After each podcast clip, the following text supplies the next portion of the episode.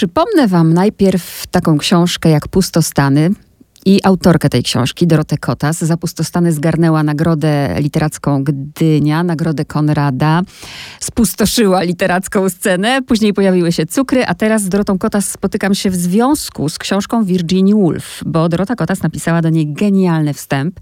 Rozumiem, że to było zamierzone, żeby nawiązać od razu do, do, do tego żartu Virginia Woolf. No, wydaje mi się, że przede wszystkim ja nie jestem jakąś specjalistką, teoretyczką literatury, nie mam takiego zaplecza teoretycznego i po prostu napisałam to tak, jak ja to odebrałam. To było jakoś zgodne ze mną i po prostu tak wyszło. To super wyszło. Myślę, że to nie mogło być inne wyliczenia poprzednich wydań i poprzednich redaktorów, bo też dla mnie takie rzeczy nie są w ogóle interesujące, tylko interesują mnie jakieś wrażenia, impresje i to, jak się czuje książki a nie całe to zaplecze teoretyczno, takie fachowe. Chociaż trochę o tych liczbach też powiemy. Ja mam dobrą pamięć do dat, ale ty też lubisz policzyć. I tu naszym słuchaczom tylko powiem, że mm, ta książka nakładem wydawnictwa literackiego, zresztą kolejna książka Virginia Woolf, miała premierę 5 dni temu, czyli to był 25 stycznia i to były urodziny 141 Woolf. 100, nie, 66, 66. Ty wyliczyłaś lat. Czekaliśmy, żeby ta książka ukazała się w Polsce, pierwsze wydanie, 94 rok. I chciałam cię zapytać, kiedy ty pierwszy raz Orlanda przeczytałaś i, e, bo rozumiem, że teraz czytałaś kolejny raz do tego wstępu, a kiedy ten pierwszy raz i, i jak wtedy odebrałaś tę książkę? Bo pewnie to było parę lat wcześniej. Nie, właśnie nie. Czytałam go dopiero teraz, bo wcześniej po prostu nie potrafiłam zdobyć tej książki. Ona na tych wszystkich aukcjach w internecie, na Allegro, wszędzie, gdzie jej szukałam, była dostępna po angielsku. I jakoś próbowałam ją zamówić, ale po prostu przerosło mnie to logistycznie. Więc to było moje pierwsze podejście. E, natomiast też jakoś, ja nie jestem super starą osobą, żeby pamiętać recepcję e, zaraz po ukazaniu się pierwszego wydania, bo 94 e, rok, kiedy ta książka wyszła, pierwszy raz w Polsce, to też rok, w którym ja się urodziłam, więc, więc też mam do tego taki e, skrócony dystans trochę. I, no i pamiętam tę książkę z tego wydania. Nie znam tych innych przykładów i no i tak dalej. Jeśli ktoś mi zada pytanie, o czym jest Orlando, to posłużę się cytatem z twojego wstępu, bo to jest piękne. No, jest Orlando, żyje przeszło 300 lat, czasami jest kobietą, czasami mężczyzną. Czegoś nie rozumiesz? Ja bym na to pytanie w sumie odpowiedziała, że ta książka jest to wszystkim, i myślę, że tutaj to bardzo pasuje i w ogóle nie jest to ani nadużycie, ani uogólnienie, tylko to jest naprawdę o wszystkim. Teraz myślę, że ona, że jest o wszystkim, ale czy zgodziłabyś się, że nie dla wszystkich? Hmm, e, sama nie wiem. E, może tak, ale dla mnie była bardzo, więc trudno jest mi to sobie tak wyobrazić. Znaczy, ja nie chcę teraz, żebyście słuchacze, drodzy kochani, bo to przecież do was się tutaj zwracamy, myśleli, że ja teraz powiedziała, że nie dla wszystkich. Nie jest to, na pewno nie jest to jakieś takie elitarne i e, przeznaczone dla no właśnie osób, które są super wtajemniczone i znają całą twórczość Virginia Woolf. Bo ja na pewno nie jestem taką osobą, i przeczytałam to z dużą przyjemnością. Ale trzeba mieć otwartą głowę, bo ktoś, kto na przykład kocha się w XIX-wiecznych powieściach realistycznych, to może mieć problem. Prawda, myślę, że trzeba mieć otwartą głowę i być otwartym na eksperymenty i na to, że wiele rzeczy może być nielogicznych albo e, totalnie pokręconych i takich wymykających się takiemu zwykłemu, racjonalnemu myśleniu. Tak. Na przykład, że bohater żyje 300 lat. Nie będziemy wam opowiadać, o czym to jest książka, bo musicie ją po prostu przeczytać. Porozmawiamy właśnie o twoim wstępie. Napisałaś tak pięknie, że wydaje mi się, że to jest, że książka, którą czytam, jest napisana specjalnie dla mnie. No oczywiście, bo to przecież czytanie książki jest takim kontaktem jeden na jeden. E, I jest właściwie takim odbieraniem listu z przeszłości, e, listu sprzed 140 lat, e, napisanym do, no właśnie specjalnie dla nas, czyli specjalnie dla osób, które to czytają. Jest to taka bardzo osobista i intymna sytuacja. Pokazujesz też, e, czym jest czas, a z drugiej strony, czytając Orlanda, e, właśnie Wolf ten czas unieważniła, to co powiedziałyśmy, chociażby to, że bohater żyje ponad 300 lat, ale ona nie tylko czas unieważnia. Co może być trudne w odbiorze tej książki, bo tak jak też piszesz, my się lubimy czegoś trzymać. Hmm, to prawda. No ale właśnie to daje bardzo dużo wolności, kiedy się porzuci te wszystkie e, zastałe sposoby myślenia i postawi się sobie to pytanie, że co jeśli tak nie jest, jeśli to wszystko, co się uważa za takie niezmienne, pewne i stuprocentowo prawdziwe, jeśli się to podważy albo spróbuje zakwestionować.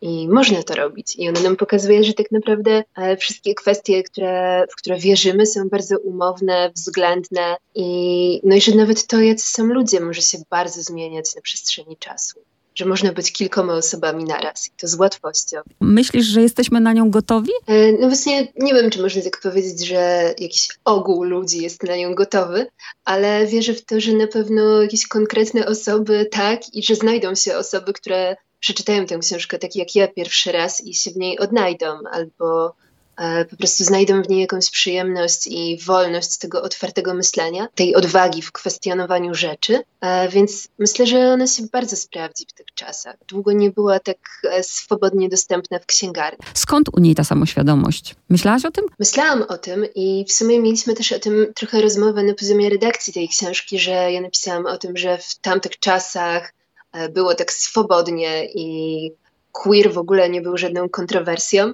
e, i słusznie zwrócono mi uwagę, że może w tych wysokich sferach, e, w takim towarzystwie, które było bogate, zajmujące się twórczością, no i właśnie pracą tego typu i z zamożnych rodzin, z tytułami, e, więc może po prostu ona miała na to czas, może miała ten swój własny pokój, w którym mogła myśleć i robiła to z przyjemnością. Ale nie wiem, może po prostu też jest tak, że bycie osobą nieheteronormatywną trochę do tego popycha, bo sprawia, że można bardzo szybko, już w takim wczesnym dzieciństwie czy okresie dojrzewania, można zauważyć, że, że nie pasuje się do tej e, ogólnej e, zasady, do takiego sposobu życia większości ludzi e, i do tego najpopularniejszego sposobu życia, e, czyli że kobiety wychodzą za mąż, za mężczyzn, żyją z nimi do końca życia.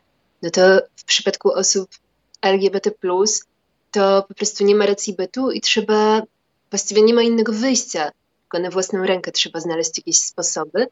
I bardzo szybko można się z tym zderzyć i zauważyć, jak jest to odbierane przez ten ogół ludzi, którzy tkwią w swoich schematach, których zostali nauczeni, które, które zaobserwowali, w których byli od zawsze. No i chyba łatwo jest wtedy to podważać i po prostu szukać i zauważyć te ograniczenia, które nakłada na nas bycie w jakiejś jednej niezmiennej roli i takie kurczowe się jej trzymanie. Virginia Woolf to jest jednak nazwisko, klasyka. I jej się tak naprawdę nie, ob nie oberwało. Z czego to wynika? Bo było wiele książek, które gdzieś tam były przeklinane, a ona nie. Takim sławom jakby więcej wolno. Może tak jest i może też to, że, mm, że płeć nie jest jedyną rzeczą, jaką się tam kontestuje, może to sprawia, że, że jest tyle wywrotowych rzeczy, że to się wydaje aż niemożliwe i może jest traktowane przez jakiś ogół ludzi jak jakaś literatura fantasy, science fiction. Ale nie wiem, to jakieś otwarte pytanie. Ten cytat, który sobie zapamiętałam, wypisałam, jej płeć zmieniała się o wiele częściej, niż to sobie mogą wyobrazić ci, którzy korzystają z jednego tylko zestawu ubrań. Nie jesteśmy jakiejś płci, tylko mamy ją, że możemy tak naprawdę rozwinąć to właśnie, jak ty to rozumiesz, że ja mogę sobie wybrać. E, no myślę, że akurat to się bardzo zmienia na przestrzeni czasu i e, te teorie feministyczne w końcu zaczynają wchodzić do takiej świadomości ludzi, e, no i sprawiać, że, że już nie myślimy o tym, że kobiety powinny wychowywać dzieci i gotować, tylko to się otwiera i może te książki, takie jak Orlando, trochę pomagają w tym otwarciu i zauważeniu, że, że to jest takie bardzo względne i, no i właśnie umowne i trochę narzucone z góry, że nie zawsze się w tym odnajdujemy, co nam każe e, ta socjalizacja i kultura. A że tak naprawdę moglibyśmy korzystać z szerszego wachlarzu możliwości. Tak. I nic na przeszkodzie. Pięknie też napisałaś, naruszcie podświadomości ląduje tak bzdur. Coś takiego, co cię no, niezwykle, wiesz, zatrzymało. E, bardzo lubię scenę z mm, tego zamarzniętego jeziora, kiedy po prostu Bye. cały świat zamarza przy okazji wielkiego mrozu i ludzie jeżdżą na łyżwach i spekulują na podstawie tego, jak e, inne osoby, które obserwują, jeżdżą na łyżwach, czy to kobiety, czy mężczyźni, bo czy jeżdżą szybko i odważnie, czy zachowawczo. I to jest dosyć zabawne e, z tego, no, jak wyciągamy na podstawie jakichś bardzo powierzchownych rzeczy wnioski, które mogą być błędne. I no, myślę, że to jest jedna z tych rzeczy. Naprawdę trzeba mieć też duże poczucie humoru, żeby to czytać, duży dystans, tak jak powiedziałyśmy, otwartą głowę. I co byś powiedziała na przykład komuś, kto po tej rozmowie albo gdzieś wiesz, czyta, ja się tego też bardzo boję, zresztą ty też we wstępie o tym piszesz, że dzisiaj oceniamy książkę na podstawie właśnie lidu, na podstawie tam y, tego, co na okładce, a Wydaje mi się, że trzeba zawsze samemu sprawdzić, o czym są książki, bo tak jak mówiłaś, jest bardzo trudno wytłumaczyć w kilku słowach albo w kilkuminutowej rozmowie, o czym jest cała książka, która no jednak ma kilkaset stron. E, I to jest trochę więcej niż to, co mówi się o niej w kilkanaście minut, więc można sobie łatwo wyobrazić prze, takie przełożenia w ogóle w proporcjach. Zazdroszczę jej tego, że żyła w czasach niepodłączonych do internetu, bo mogła rzeczywiście pisać i dalej nie musiała prowadzić własnego kanału typu, prawda, małpa Virginia Official, ani odpowiadać w wywiadach na pytania, czy czuje się prawdziwą pisarką, jak wygląda jej proces twórczy, dlaczego jest tak radykalną feministką i czy jej nie wstyd i skąd właściwie pomysł na tę fryzurę. I to, to o co ty by się zapytała w związku z tą książką? Co by cię ciekawiło? O, ja chyba nie umiem rozmawiać, ale ja nie jestem w tym dobra i to nie jest moja specjalność. Wolałabym chyba pisać z nią na czacie i żeby nam lepiej wyszło. I miałabym wtedy więcej czasu do namysłu. Tak na szybko, nie wiem, może chciałabym wiedzieć, jak, jak się w niej rozwijał ten pomysł. Czy, czy nie wątpiła w siebie, kiedy to pisała.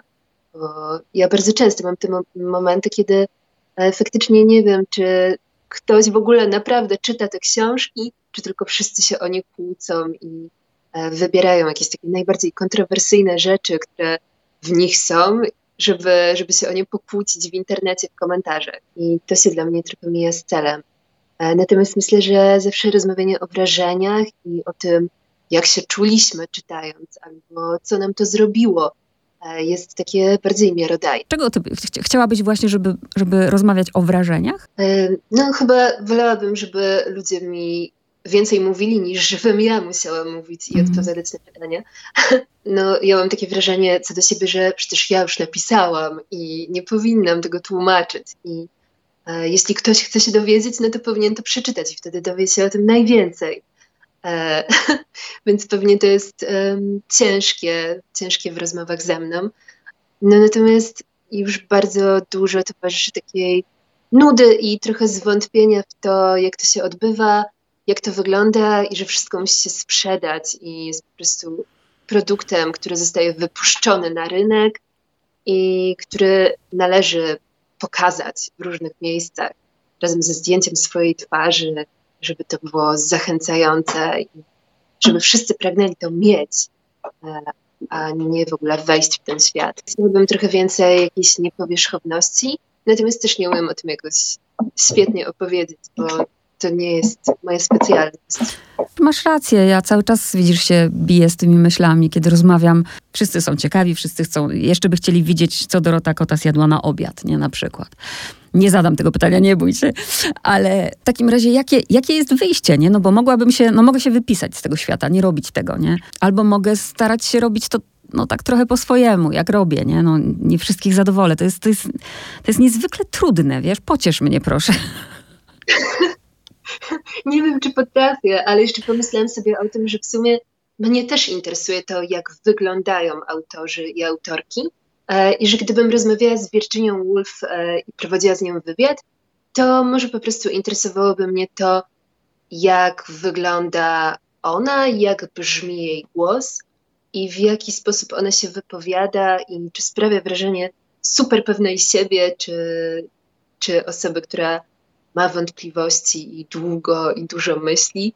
E, więc nie wiem, chyba byłyby dla mnie ważne wrażenia. Właśnie wracając do tego, co ty powiedziałaś, że zapytałabyś, co, co ci to zrobiło. Myślę, że dla mnie też była jakąś przygodą i była czymś takim super sensualnym i plastycznym, co sprawiło, że ja czytając tę książkę czułam się trochę tak, jakbym oglądała film e, i jakbym dotykała tych wszystkich rzeczy i czułam, czułabym zapachy. Więc było to takie bardzo totalne doświadczenie i bardzo pełne i też trochę wywrotowe, takie, że czułam jakąś satysfakcję z tego, że ona tak bardzo wykpiła pewne rzeczy, które ja też miałabym ochotę wykpić. Wykpiłaś trochę we wstępie i to też jest piękne, aczkolwiek do świata się zwróciłaś na końcu. Przejadłeś się nam świecie, nie będziemy cię więcej takiego jeść. Musisz się zmienić natychmiast, ponieważ to, jaki jesteś, nigdy nawet nie było śmieszne. A na pewno nie było dobre. Na pewno też nie dla mnie, więc otwórz się i to już. Wierzysz w to, że świat się otworzy, posłucha Doroty Kotas? Wydaje mi się, że już e, mnie nie posłucha, ale mm, może sam do tego dojdzie z czasem. Nie wiem, też wierzę trochę w to, że świat już właściwie nie ma wyjścia i na pewno nie ma odwrotu do jeszcze starszych czasów, bo już gorzej nie będzie, e, więc chyba może być tylko lepiej. Pod względem takiej otwartości, bo jednak tych tekstów, filmów, tej treści, z której można korzystać, jest tak dużo, że no, pozostaje już tylko to zrobić i zacząć myśleć. Tym optymistycznym akcentem zakończymy, nie? chociaż jak wracam pamięcią parę lat wstecz, naprawdę nie tak dużo, gdzie miałam właśnie wrażenie, że będzie tylko lepiej, to wiesz, już teraz właśnie myślę, że, że jeszcze wszystko może się zdarzyć. Nie, ja w sumie mm, tak sobie myślę o tych czasach, które minęły i wydaje mi się, że bardzo często jest tak na zmianę, że są takie ciemne, mroczne czasy, później przychodzi jakiś przełom, a potem znowu ta cofka świata i jakiś odwrót w tym złym kierunku, ale potem znowu to się jakoś odbija i zawsze to się miesza, więc wydaje mi się, że jednak teraz będzie lepiej. To ja pójdę jeszcze dalej i powiem ci, ciekawa jestem, w co wierzysz. A zapytam cię, bo to jest niezwykle ciekawe. Masz otwartą głowę, więc, y, bo chciałam cię zapytać, czy dożyjemy tego, nie? Ale z drugiej strony to jest y, właśnie ta kwestia czasu. Co, w co wierzysz? Wierzysz y, w energię? Chyba w taką nieśmiertelność, którą dostaje się dzięki książkom i dzięki temu, co się zrobiło. E, więc ja pewnie nie dożyję, ale nie wiem, może moje książki i może jacyś nowi, otwarci i wyzwoleni z patriarchatu ludzie będą je kiedyś czytać i może coś im to zrobi. Dziękuję Ci bardzo. Dzięki.